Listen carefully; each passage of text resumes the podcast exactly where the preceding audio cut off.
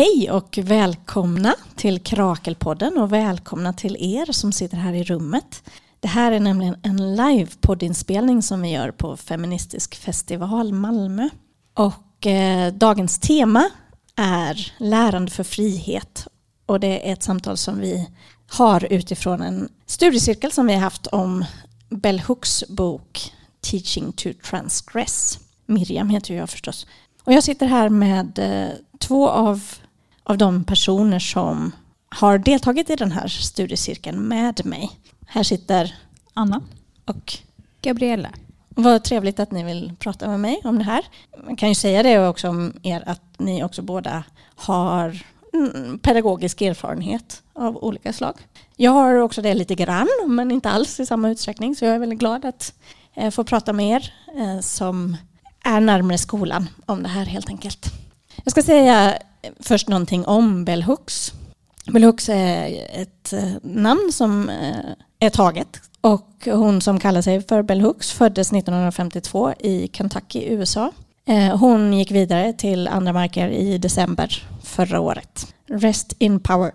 Och hon, man kan väl säga om henne att hon sedan 1980-talet ungefär har varit en av den amerikanska feminismens viktigaste röster. Och hon har skrivit många böcker som är tillgängliga på ett sätt att de har tagits upp av väldigt många och kanske allra mest hennes bok All about love har nog påverkat mångas liv på, på många sätt. Och förutom att vara eh, författare så var hon universitetslärare. Och den här boken vi har läst består av texter där hon på olika sätt reflekterar över att vara lärare, lärande, lärande som en radikal praktik. Hon pratar om hur klassrum kan fungera och hur institutioner eh, fungerar och kan fungera eh, för och emot ett, ett frigörande pedagogiskt projekt. Och hon skriver ur ett feministiskt och antirasistiskt perspektiv men kanske framförallt ur ett humanistiskt perspektiv. Man kan väl säga att det är en av de stora behållningarna med att läsa Bell Hooks att hos Bell Hooks får hela människan plats i sin sårbara mänsklighet. Mm. Vill ni säga någonting mer om, det här, om Bell Hooks? Kanske vad, om Bell Hooks har betytt någonting särskilt för er? Eller? Bell Hooks har betytt mycket för mig. Men eh, kanske de senaste åren som jag ändå upptäckte eh, hennes texter. Men jag fick eh, en första bok av Bell Hooks av en vän för jättemånga år sedan. Så den har liksom legat och väntat på mig. Men när jag väl började läsa den så eh, förstod jag vad jag hade väntat på. Nej, men jag skulle också säga att Bell Hooks betytt en del för mig. Jag tänker att jag tycker att det är intressant att hon eh, har en ganska religiös tilltal på ett sätt men ändå tar plats liksom i så här vänsterrum. Och det tycker jag är den stora behållningen liksom, med att läsa henne. Att, som du pratat om, att hela människan och även de andliga dimensionerna på något sätt får plats. Liksom. Ja precis, det finns eh, inspiration och en väldigt holistisk världsbild på något sätt. Där ju kärleken till medmänniskan spelar en väldigt central roll. Det tycker jag är väldigt fint. Vi tänkte lägga upp det här samtalet utifrån ett antal lärdomar som vi har kommit fram till i den här cirkeln och så diskutera helt enkelt hur de här lärdomarna har påverkat oss och vår, vårt synsätt och vår, vår praktik som pedagoger kanske. Och så. Den första centrala lärdomen är denna. Lärande är en väldigt emotionell upplevelse som innehåller, eller kan innehålla både smärta och obehag men också lust och passion. Vad tänker ni om det? Jag tycker att det är en av de sakerna som drabbar en först när man läser Belux, liksom, eller för att det är, eller den här boken då, Teaching to Transgress, att eh, det verkliga lärandet på något sätt måste involvera, ja, men som du pratade om, liksom, hela människan och också de här att hon inte väjer för liksom, smärta, hon väjer inte för passion, hon väjer inte för njutning liksom, i en undervisningsmiljö. Och det handlar ju det som om att hon tänker dels vill liksom jobba, alltså att hennes teorier liksom gör att, eller det hon vill frammana är liksom känslor hos människor som, liksom, som, som sträcker sig utanför klassrummet. Jag tänker också att hon, hon lyfter det att eh, liksom förankring av kunskaper när de landar i oss så kan de vara så otroligt drabbande.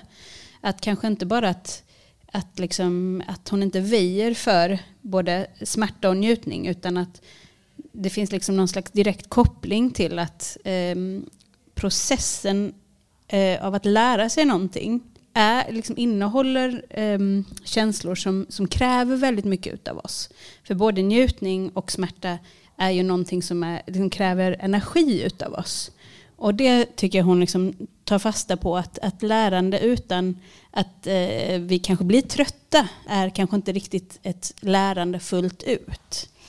Ja, precis. Hon, hon är ju motståndare till det som hennes föregångare kan man säga, Paulo Freire, har benämnt som eh, banking system som är ett, en typ syn på lärande eller ett system för lärande där det nästan bara är ett slags intagande av kunskap. Istället säger hon ju att lärande är och måste vara transformativt. Det, det pushar medvetandet.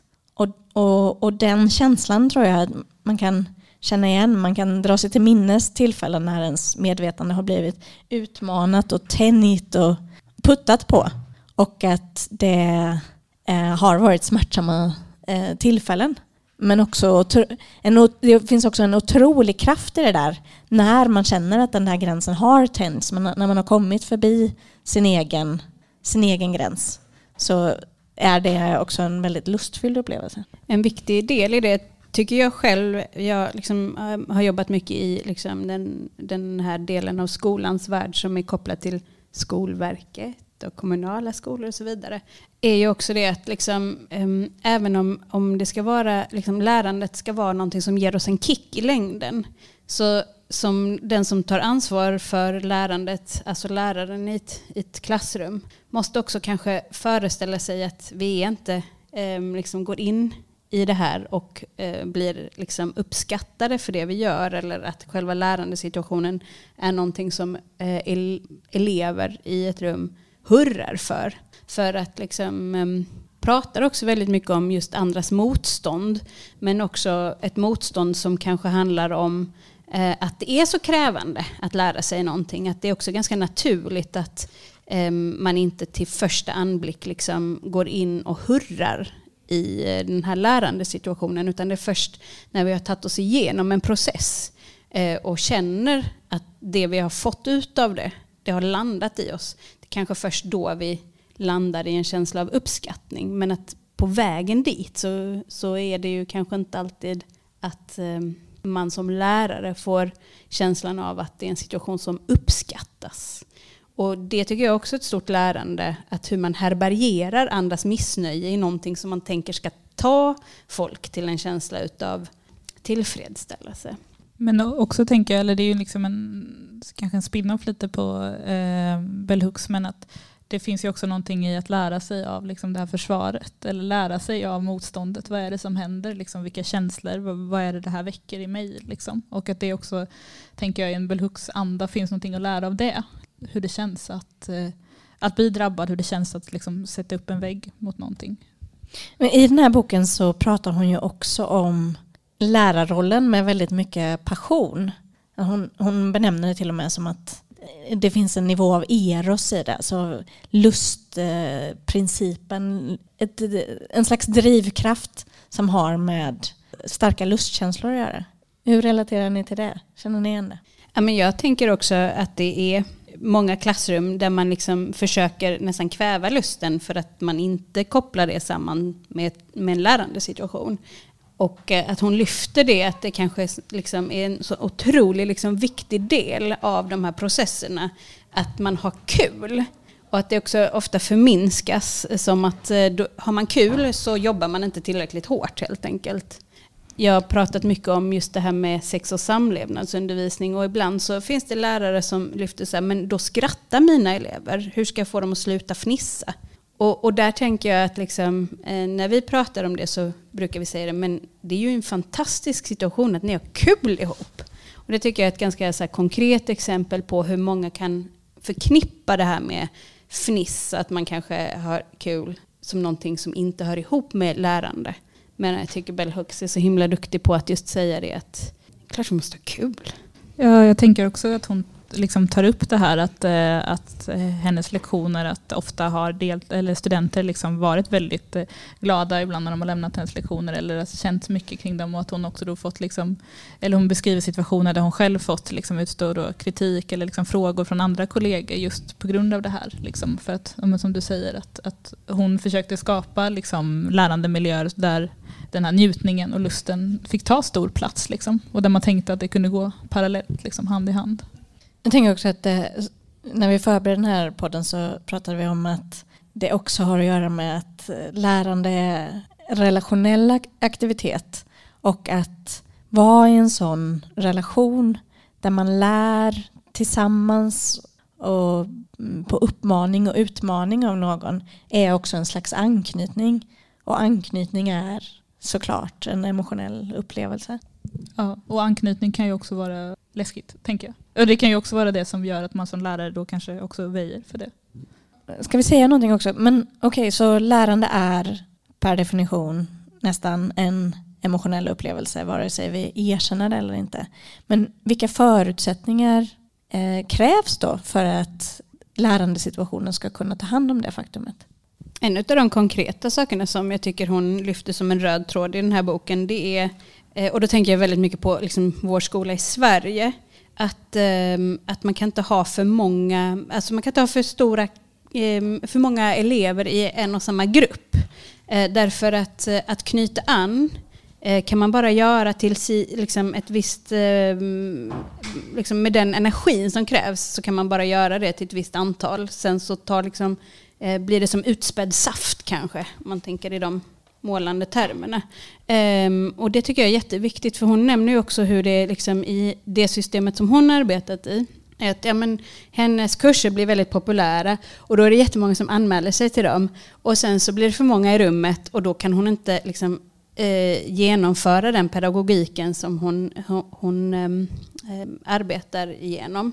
Eh, och att det också finns något liksom systemfel. Men en av de sakerna som jag tycker att hon lyfter och det problematiska med att man inte får lov att säga um, att liksom, det inte får vara för mycket folk på en gång.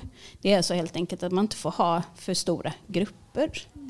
Mm. och det tycker jag är jätteviktigt i vår, eh, vår liksom, tid i Sverige idag liksom, och hur man pratar om skolan. Jag tänker också andra förutsättningar för det relationella. Till exempel om någonting händer har man tid när schemat säger att lektionen är slut att ta hand om den situationen och de känslor som har uppkommit? Finns det, finns det utrymme att bygga de här kontakterna mellan de här små blocken i schemat? Hur, har läraren utrymme att härbärgera det, de känslor som kan komma upp? Ja men precis, och det är ju alla sådana, liksom, om man pratar om det som så institutionella förutsättningar på något sätt för för pedagogiken. Eh, och jag tänker, alltså hon, hon pratar hon tar, ju, hon tar ju upp det på liksom många olika sätt. Ja, men just det här med det relationella i ett rum, att det är ju inte bara mellan eh, den som har tagit på sig lärarrollen och de som har tagit på sig elevrollen, utan det är ju liksom ett utbyte i, mellan alla i rummet. Och för att skapa det eh, så, så behöver det var, finnas både bra former och liksom förutsättningar för det tycker jag hon pratar mycket om. Men en annan sak som um, jag tycker hon lyfter som en röd tråd Det är ju det här med liksom, um, trygga rum. Uh, och jag, vi har också pratat en del om det, att är det kanske snarare så här uh, skapa ramar för tillitsfulla rum. Därför att hon menar ju också på att vi kommer liksom från olika perspektiv och måste kunna mötas i det. Men där uppstår också friktion. Och att trygga rum som vi kan prata om det ibland för, förknippas med att det inte finns någon friktion.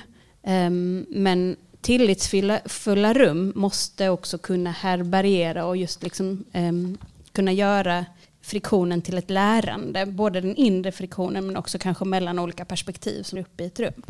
Just det, jag tänker att det för oss in på nästa lärdom. Alltså att ett gemensamt lärande förutsätter en fungerande lärandegemenskap.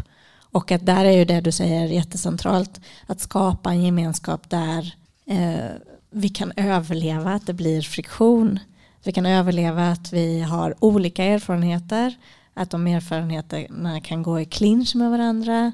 Och eh, hon pratar mycket om att eh, vi måste skapa förutsättningar för att höra varandra där. För att våga tala själva. Men för att gemenskapen ska fungera så måste vi kunna lyssna på den andres upplevelser. Och, och då pratar hon ju också mycket utifrån, ett, eh, utifrån klassrum som till exempel präglas av mångfald, av erfarenheter och hur man då ska skapa rum för att den mångfalden ska, ska gynna ett lärande helt enkelt. Ja, precis. Jag tänker att hon eh, jobbar ju liksom med, men, men också då med liksom på något sätt, nu kanske jag kommer in på ett annat tema, men, men, men liksom just vad det är som ska finnas i klassrummet då, och, och den här dialogen mellan olika röster i klassrummet. Men att det inte heller ska bli den här liksom terapeutiska miljön. Liksom, utan så där, det är inte det som hon menar att hon ska skapa. Liksom, och inte heller en anekdotisk miljö där alla liksom berättar olika anekdoter från sitt liv utan just göra den här kopplingen liksom mellan teori och lev, levd erfarenhet och på så sätt positionera sig i rummet. Liksom. Just det, det har jag skrivit upp som en, en tredje lärdom. Mm. Det frigörande lärandet är det som på ett fruktbart sätt kombinerar teori och praktik. Och just den tyngd som hon då ger till den levda erfarenheten som en viktig kunskap. Men inte då som att vi sitter här och eh, ska ha gruppterapi och alla ska vika ut sig själva utan den levda erfarenheten i kombination med en teori som kan ge medvetandet en slags struktur för den där levda erfarenheten, tänker jag. Och även koppling till liksom hur vi lever idag. Alltså att eh, lärandet också ska påverka liksom våra möjligheter till att leva mer fria liv eh, framåt, tänker jag. Hon pratar mycket om. Precis, teori ska Alltså hon pratar med sån passion om teorins frigörande potential. Men det är ju teori som då är tillgängliggjord och som, precis som du säger, har relevans för, för det liv som man lever. Så att man, kan, man, man, man läser den här teorin och så har, har man helt plötsligt förklarat vad det var som hände i skolmatsalen igår eller bland kompisarna i förra veckan ah, nu har jag fått ord för att förstå min egen verklighet. Och det finns ju också, tänker jag, något som hon kanske inte rent eh, skriver ut, men som jag läser in, liksom, som finns något ganska så här, tröstfullt i det här på något sätt. Att så här, få redskap att förstå världen, att liksom, den här personliga ingången i relation till det som har hänt. Liksom, och att känna ja, men på något sätt tröst helt enkelt. Och det är väl också där någonstans i den liksom korsningen som, som det blir det här emotionella upplevelsen som kräver någonting utav oss. Att, att koppla våra egna erfarenheter till andras teorier eh, och översätta det kanske till våra egna liv. Det kan ju vara väldigt smärtsamt att man får syn på saker och ting som man vill förändra eller eh, saker som man inser att det kanske var destruktivt i ens liv som man, ja, man, man omvärderar. Liksom. Men, men eh, hon pratar ju också mycket om det kanske som att det är en av de främsta komponenterna som man har ansvar för som lärare i rummet. Jag vet att hon sa vid något tillfälle i boken att hon, det var någon elev som berättade väldigt mycket eh, utifrån en litteraturstudie som hon bedrev då, tillsammans med sina elever. Men hon var tvungen att gå in och säga så här, men hur knyter det an till den här teorin? Eh, och att eh, hon upplevde det som att hon sårade den här eleven väldigt mycket för att tvinga ner den i teorin. Eller liksom, men att, att det är liksom det, det som är det, det, faktiska lärandet. Alltså när vi eh, inte nöjer oss med bara teori, inte bara nöjer oss med våra egna berättelser, utan gör det till en större helhet. Det du säger får mig också tänka på ja, men, vad som kan hända när vi möter politisk teori i klassrummet eller i folkbildningen eller så. Och vi på något vis, okej okay, så vi lever i en ideologi som hela tiden normaliserar orättvisor. Och när man då eh, på något vis medvetande görs om de orättvisa strukturer som finns så finns det ju en, en smärta i det, en vilja att fly in i den där normaliseringen där man ändå kan tro att status quo är ganska eh, okej. Okay. Att det, att det är eh, smärtsamt och, och det måste man ju också ge rum för, absolut. Och jag tänker där, det kanske vi, nu kanske jag går schemat i förväg, men där pratar hon ju liksom på något sätt också fysiskt om hur man i rummet inte ska kunna gömma sig liksom, eh, för det. Utan att hon vill inte ha den här liksom placeringen så som vi sitter här kanske, utan pratar om att så här, sitta i en cirkel eller liksom sådär att, att kunna möta varandra. Liksom. Alltså så, att inte kunna gömma sig liksom, i kunskaps... Ja, i klassrummet. Ja, ja men det var en, en fin glidning över på nästa. När vi kliver in i klassrummet gör vi det som kroppar. Vad tänker ni att hon menar med det? Alltså jag tänker ju liksom att hon menar att vi kliver in som kroppar, dels som historiska subjekt liksom, på något sätt. Vi, alltså, vi kliver in på kropp, alltså, som kön, vi kliver in som, med vår hudfärg och liksom, med våra olika uttryck. Eh, men också att vi kliver in i, med kroppen i klassrummet som något rent liksom, fysiskt. Typ. Att vi kliver in i klassrummet med kroppar som har behov, som behöver gå på toaletten eller dricka vatten eller liksom, ja, så. Precis, och eh, ja, men hon, hon eh, tar upp, eh, hon berättar om något tillfälle när det slagit henne. Vad, vad händer om jag nu, nu står jag här och föreläser, om jag behöver gå på toaletten helt plötsligt? För att läraren på något vis förväntas vara där bara som någon slags förnuft. Helt uh, liksom obundet till så konkreta kroppsliga behov. Eh, men det, det, är ett väldigt eh, det är ett ofrånkomligt faktum att vi, om vi är hungriga så lär vi oss sämre, om vi är trötta så presterar vi sämre. Vi, har, vi är kroppar, vi är ofrånkomligen kroppar.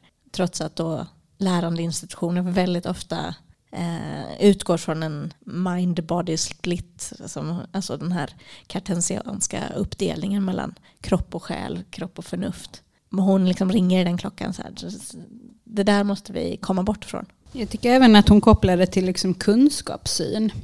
Att det finns generellt någon slags, ehm, alltså att synen på att vi bara är förnuft, vandrande förnuft, ehm, är då att det är då vi är som mest kunniga eller har som mest tyngd i vårt kunnande. Ehm, och att, att eh, hon ändå vill vända lite på det och att när vi har kopplat bort våra kroppar så, så förlorar vi en jättestor del av våra kunskaper som vi bär med oss. Och att det också hänger ihop med föreställningen om att det finns liksom objektiva eller neutralt, neutrala kunskaper. Och, att så får, och det kräver också att vi kopplar bort vår kropp för att föreställningen om att neutralitet finns.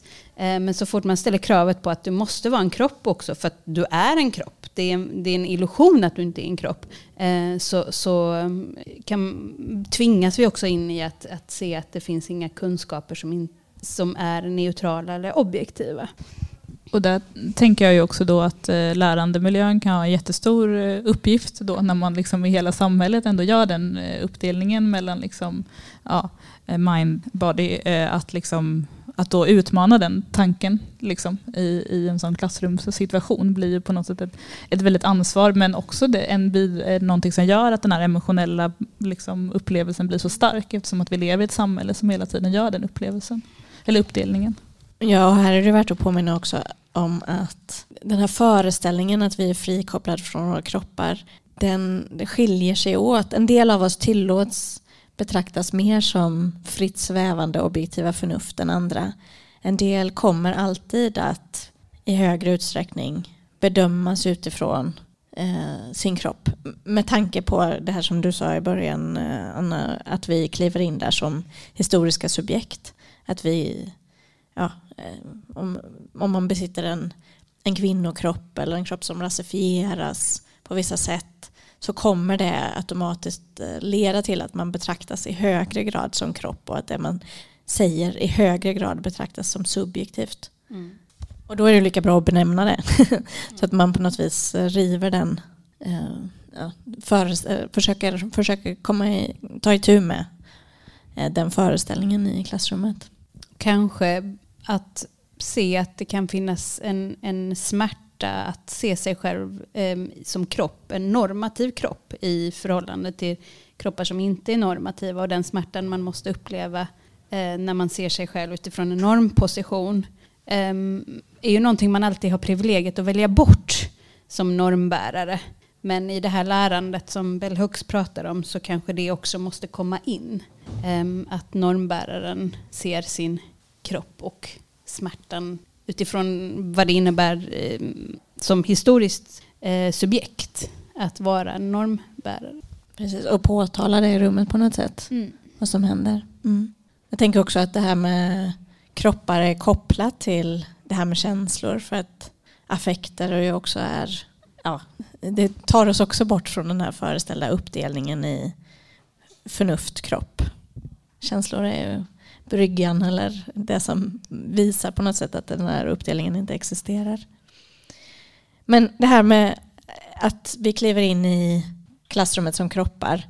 Vad, vad måste det förändra i vårt sätt att se på klassrummet? Tänker ni? Alltså vad, vad måste man göra annorlunda helt enkelt? Om man tänker att här är vi inte bara fritt svävande förnuft utan här är vi kroppar. Du var lite inne på det innan. Man kanske ska tänka på möbleringen till exempel. Vad pratar om? Ja precis. Men det tänk, jag tänker att det finns väl precis sådana konkreta saker som man kan göra. Eh, jag kommer också ihåg att vi typ i vår studiecirkel pratade, vi hade så smågruppssamtal, pratade om liksom att, att också typ så i kanske en lärande eller i en klassrumssituation känna in att man är en kropp. Alltså på något sätt att ha en, någon övning där man liksom reser sig upp, där man gör någonting fysiskt i rummet för att också bli med, liksom påmind om att jag sitter här med eh, he, hela mig, liksom, röra sig runt i rummet eller liksom väcka andra sinnen. Liksom, och sådär. Ordlösa övningar som kopplar oss till vår kropp i första hand. Men, men också tänker jag att som lärare, alltså det där är ju svårt för det handlar väl också på något sätt om att, så här, att det blir någon balansgång men att man också som eh, lärare kan manifestera liksom, eh, kroppen på ett sätt också prata om. Alltså just den här saken som Belhux tar upp, liksom, att så här, vad händer om jag behöver gå på toaletten? Men då kanske som lärare nämna det, nu behöver jag gå på toaletten. Eller det här blev en väldigt emotionell upplevelse för mig. Vi behöver ta en, en liten paus. Eller, eh, alltså, alltså så, på något sätt manifestera det för att också visa ett exempel på att vi är här inne som kroppar allihopa. Jag tänker också på en dialog hon har i, i den här boken med en annan eh, universitetslärare som berättar någon anekdot om eh, något tillfälle där det var sent på eftermiddagen det var mycket ljud utifrån eller något sånt. Det var något störande. Och att han bara hade insett att men vi, vi kan inte lära oss under de här förutsättningarna. Eller hon pratar också om att ibland så funkar eh, lektioner som ligger allra först på morgonen ganska dåligt. För att många i klassrummet är trötta. Alltså att på olika sätt positionera lärandesituationen utifrån de konkreta materiella, fysiska, kroppsliga omständigheter som omgärdar den helt enkelt. Och jag tänker på en sån sak som eh, skollunchen i Sverige har ju kommit till för att, för att få skolan att fungera. Därför att det var så många barn som var i skolan och var hungriga och därför inte kunde lära sig. Det är ju en slags eh, eh omhändertagande av, av det faktum att vi är där som kroppar. Det finns också en del skolor i Malmö idag som som serverar frukost av, med precis samma tanke. Alla barn i Malmö har inte möjlighet att äta frukost hemma. Och hur ska vi då skapa förutsättningar för lärande i den situationen? Ja, vi måste ge dem mat. Annars är det ingen idé att vi står här och försöker banka in kunskaper. Liksom. Men också att se att kroppens begränsningar, om man ska säga, inte bara är ett hinder som vi ska komma över, utan att det i kroppens begränsningar är de allmänmänskliga begränsningarna som det finns ett stort lärande i också. Att få med eh, det. Ja, precis. Att, ja, eh, att benämna att vi är, att, att vara människa är att vara kropp och förnuft, gift, ja. giftighet. Ja. Okej, okay, um, ehm, den sista lärdomen jag har skrivit upp här som jag tänker vi har varit inne på. Lärande institutioner bromsar ofta frigörande pedagogik. Det är ett lite sorgligt faktum men väldigt ofrånkomligt. Jag tänker också att det är viktigt för oss att säga det. Och om det sitter lärare här inne eller lärare som lyssnar på podden och som tänker allt det här låter eh, ju väldigt klokt och fint men hur ska jag, hur ska jag ha en chans att förverkliga det här i min vardagliga praktik så är, är det viktigt att säga det att också Bell Hooks har ju kämpat i motvind i sina försök att skapa frigörande pedagogik. Därför att institutionerna är väldigt tröga och kanske direkt ovilliga att skapa förutsättningar för det. Vad tänker ni om det utifrån era erfarenheter?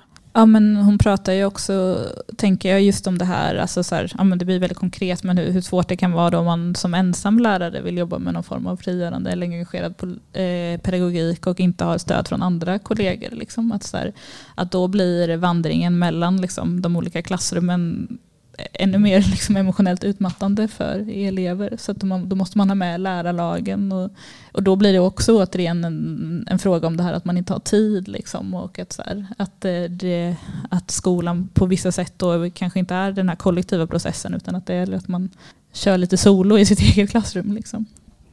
Ja, alltså jag, jag har ju kanske tänkt en del på det här att det i läroplanerna står att eh, man ska jobba för ett livslångt lärande.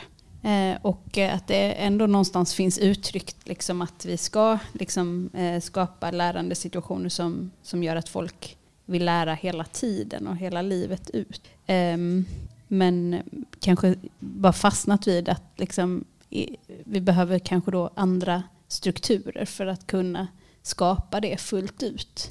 Jag tycker att Bell Hooks pratar väldigt mycket om att hon ändå landar i strategier som hon, eller då med kollegor som tänker som hon, eh, får, får ehm, hitta för att ta sig över hindren. Men, eh, men att eh, hindren kanske också växer över tid. Och att, att det någonstans också handlar om att skapa strukturer. Där man kanske inte bara hela tiden måste jobba för att hitta strategier att ta sig över eller genom hinder utan också kanske liksom hitta bättre former. Jag tänker också typ, eller ett, jag, jag har jobbat inom folkhögskolan eh, en del och då pratar vi ibland om att när deltagare, eller när ja, det kallas för deltagare när man går på folkhögskola, kommer från vanliga skolsystemet så måste man på något sätt så här avgymnasifieras. Eh, mm. För då kanske man har den här vanan vid det här som hon nämner som the banking system, att man sitter på rad och liksom tar in kunskap och så här, att man då måste man jobba liksom med den sättet. Och det tar ju hon upp liksom som det här att inte att, att idag så finns det mer exempel på liksom, eller, ja, att man som student, elev eller deltagare vill vara konsument. Liksom. Så man måste bryta den kunskapssynen också hos, hos de som finns i klassrummet. Liksom, att så här, jag har eh, 50 procents ansvar, ni har 50% ansvar för att det här ska bli en lärande miljö. Liksom. Alltså att aktivera de som sitter i klassrummet. Liksom.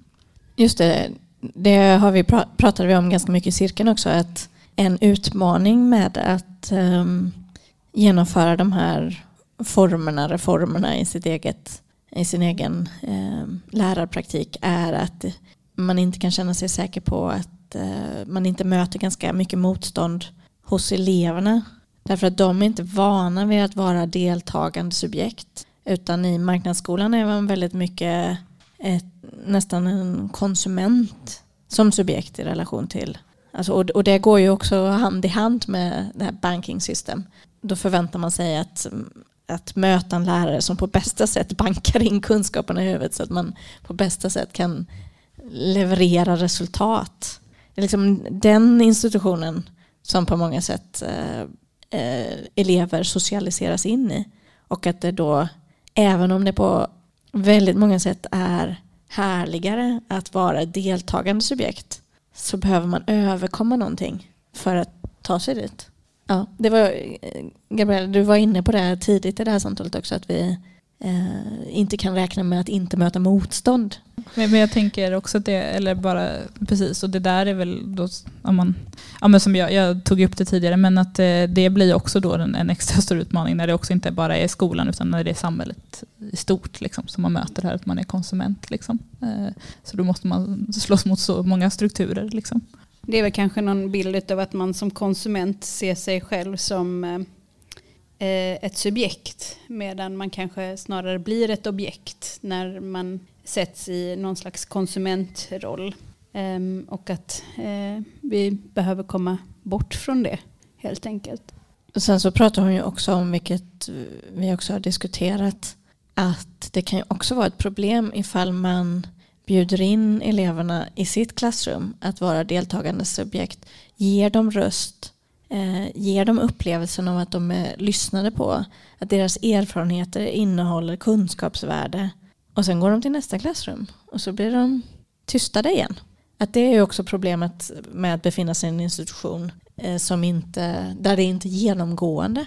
Det var ju en kunskap i sig att ge till eh, sina klassrum att eh, man kan utsättas för det, den prövningen eller den tyngden att gå mellan olika system eh, och vad det innebär uh, som elev att uh, vara en person i ett rum och en annan i ett annat rum. Um, som en strategi att lära ut. Jag tänker också, eh, eller jag vet att jag tror att det var du som tog upp det här när vi pratade inför den här podden, men att det finns en trygghet också i det här, i det här hierarkiska skolsystemet, i det där där man sitter liksom och lyssnar och sådär. Och att eh, det är också någonting som vi kanske då, eller som lärare behöver veta med oss, liksom, att så här, vi behöver förstå den tryggheten och liksom behovet kanske också av trygghet. Men utmana det då för att istället bygga tillitsfulla klassrum. Ja. Ja, trygghet kan ju lätt också eh, bli att man förväxlar det med bekvämlighet. Eh, och bekvämlighet kanske är någonting vi behöver lite extra när vi är väldigt stressade. Om vi då befinner oss i system som hela tiden stressar oss så är det ju så lätt att hänfalla till bekvämlighet och kalla det trygghet. Absolut. Jag tänker också att eh, mer eller mindre indirekt så finns här är också från Bell Hooks en slags uppmaning till den lärare som vill använda lärande som en frigörande praktik att vara illojal mot institutionerna. Man kan inte, ja man måste tänja på gränserna, man måste smyga runt hörnen, man måste kanske också ibland baktala institutionen inför eleverna och säga att jag tycker inte att allt som pågår här är så som det egentligen borde vara. Jag tänker att egentligen borde vi ha andra förutsättningar. Men det här är vad vi har att jobba med, tyvärr. Och det är ju inte såklart alltid så lätt. Det är ju en, en stor utmaning att våga vara en, en slags, eh, vad ska man kalla det, ja, men en radikal i sin, i sin arbetsmiljö. En visselblåsare typ. Dissident. Okej, okay, ska vi börja avrunda det här? Är det någonting som vi inte har tagit upp som ni tänker känns viktigt att prata om?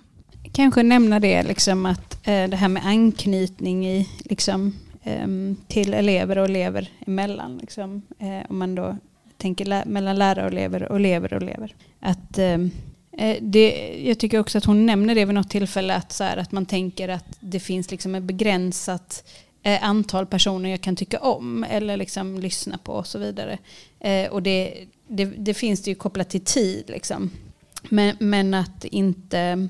Alltså att vi måste kunna se att vår liksom, um, att ta in andra människor är inte någonting som, som är begränsat för oss. Utan att, eh, att det här liksom att eh, man förknippar intimitet med typ eh, någon som man liksom har en privat relation med. Men att vi kan ju uppleva liksom anknytning och intimitet till främlingar rätt snabbt. Jag tänker bara så här, man tänker att man går på ICA och så är det någon man liksom råkar skoja för att man råkar krocka eller vad det nu är så. Att, liksom, att istället för att prata om främlingsfientlighet faktiskt också kunna liksom prata om eh, intimitet till främlingar och anknytning som vi kan göra väldigt, väldigt fort. Eh, och se hur det faktiskt, att vi har väldigt mycket kapacitet att ta in andra och, och, och liksom förankra människor i oss själva. Just det, och det du säger får mig också tänka på hur hon värderar att man som lärare måste närma sig klassrummet med känslan av jag kommer kliva in här och ha någonting att lära mig själv. Ja. Eh, för att här finns en massa spännande människor att lära sig av. Och att ingen klassrumssituation därmed obekvämt nog är lik den andra. Det är en del av banksystemet att man föreställer sig att man ska bara reproducera samma lärandesituation igen och igen. Det är ju det enklaste. Men om man istället tänker sig att varje klassrum innehåller en ny uppsättning människor så eh, går ju inte det. Utan då kommer varje lärandesituation att innehålla något nytt men det finns också något väldigt inspirerande i det såklart. Ja, jag, jag tänker att eh, Ja, men eh, också det här med att det kräver ju på ett sätt en, att man är ganska modig som lärare. Eller så. Jag tänker att det är det som Bellhooks på något sätt vill skapa eller ställer krav på. Liksom, att man är modig och engagerad som lärare. Men att det också finns ett sånt tilltal, en sån tilltro till de man möter, liksom, studenterna, eller eleverna eller deltagarna. Att de också är modiga Eh, och engagerade. Hon skriver att eh, jag utsätter inte mina studenter för något jag själv inte skulle kunna tänka mig att utsättas för. Liksom. Så att hon har ju med sig det också. Liksom, att så här, det här eh, som jag vill pusha dem igenom, det måste jag själv liksom vara kapabel att göra. Liksom. Så det ställer också en del krav på en som, som liksom lärare eller folkbildare eller vad man nu är. Liksom. Ska vi avsluta med om ni vill säga någonting som, det behöver inte vara den främsta lärdomen, men en, en lärdom som ni tar med er och kommer bära med er från den här cirkeln och den här läsningen? Eh, mycket grejer tänker jag. Ja, det är som att så här, jag börjar reflektera liksom över så här, hur jag själv har ordnat mina undervisningssituationer och sådär tidigare och vad jag nu vill ha med mig framåt. Liksom. Eh, jag, tänk, jag, jag, tror faktiskt att det är det här sista jag sa, liksom, att så här, engagerad pedagogik kräver mod. Liksom. Och det kräver också ett, att man tilltalar andra som modiga. Liksom. Att man har den förväntningen på varandra. Jag tar med mig mycket ord för saker som eh, jag har upplevt det, det här. Att teorin hjälper en att eh, utvidga medvetandet kring det man själv har upplevt. Men kanske någonting konkret är vikten av att eh, våga benämna de här sakerna i undervisningssituationer. Att tala om vad, vad händer i klassrummet och vad vill vi ska hända i klassrummet. Kanske ha en, ett gemensamt samtal innan man börjar prata om särskilt svåra saker. Hur vill vi att de här eh, samtalen ska gå till. Sätta en slags gemensam ram där man vågar, vågar sätta ord på alla de utmaningar som kan finnas i rummet. Jag tycker att hon pratar på ett sätt som jag i alla fall upplever som en unik tanke från Bell Hooks, även om eh, det är säkert jättemånga som nämner det. Men just det där att eh, det enkla meningen att vi har alla någonting att lära av varandra. Och jag tänker att jag behöver liksom också fundera vidare ganska mycket på det. För att hon nämner det att Eh, om man tänker sig normkritisk pedagogik, så som jag uppfattar den, eh, är, ju att vi pratar väldigt mycket utifrån normbärare och normbrytare. Men att eh, den underförstådda meningen där, så som jag bär det med mig just nu, det är att det framförallt är normbärare som behöver lära sig perspektiv från normbrytare. Och vi är ju alla både normbärare och normbrytare ehm, utifrån eh, olika aspekter. Men att jag tycker hon pratar liksom om det här med emotionell tillit i rum där friktion kan uppstå. Och att det också innebär att normbrytare måste se att det finns något lärande hos normbäraren för normbrytaren. Och för mig är det någonting som jag behöver tänka vidare på. Eh, så det tar jag med mig för att just få ihop den teorin med mitt eget tänkande. Just det, och det tänker jag har att göra med det här att vi är i klassrummet som hela personer. Vi är inte bara där som representanter för en viss upplevelse utan vi är hela och komplexa och måste se varandra. Ja, men det var väl ett väldigt fint Bell ställe att avsluta på. Tack så hemskt mycket Anna och Gabriella för att ni har eh, pratat eh, med mig om detta och tack så mycket till er som har lyssnat. Tack. Tack.